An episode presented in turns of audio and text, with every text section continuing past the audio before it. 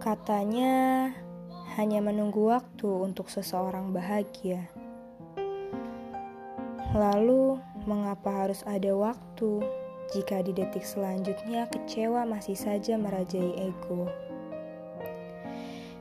Jika hanya ada satu kota yang membuat seseorang bahagia, lalu kenapa Tuhan menciptakan kota-kota lainnya? Kota-kota yang hanya menciptakan luka untuk setiap orang yang ada di dalamnya.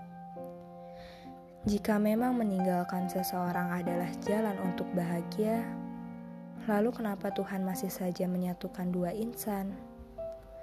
So egois itu memang. Entah, entah Tuhannya atau manusianya.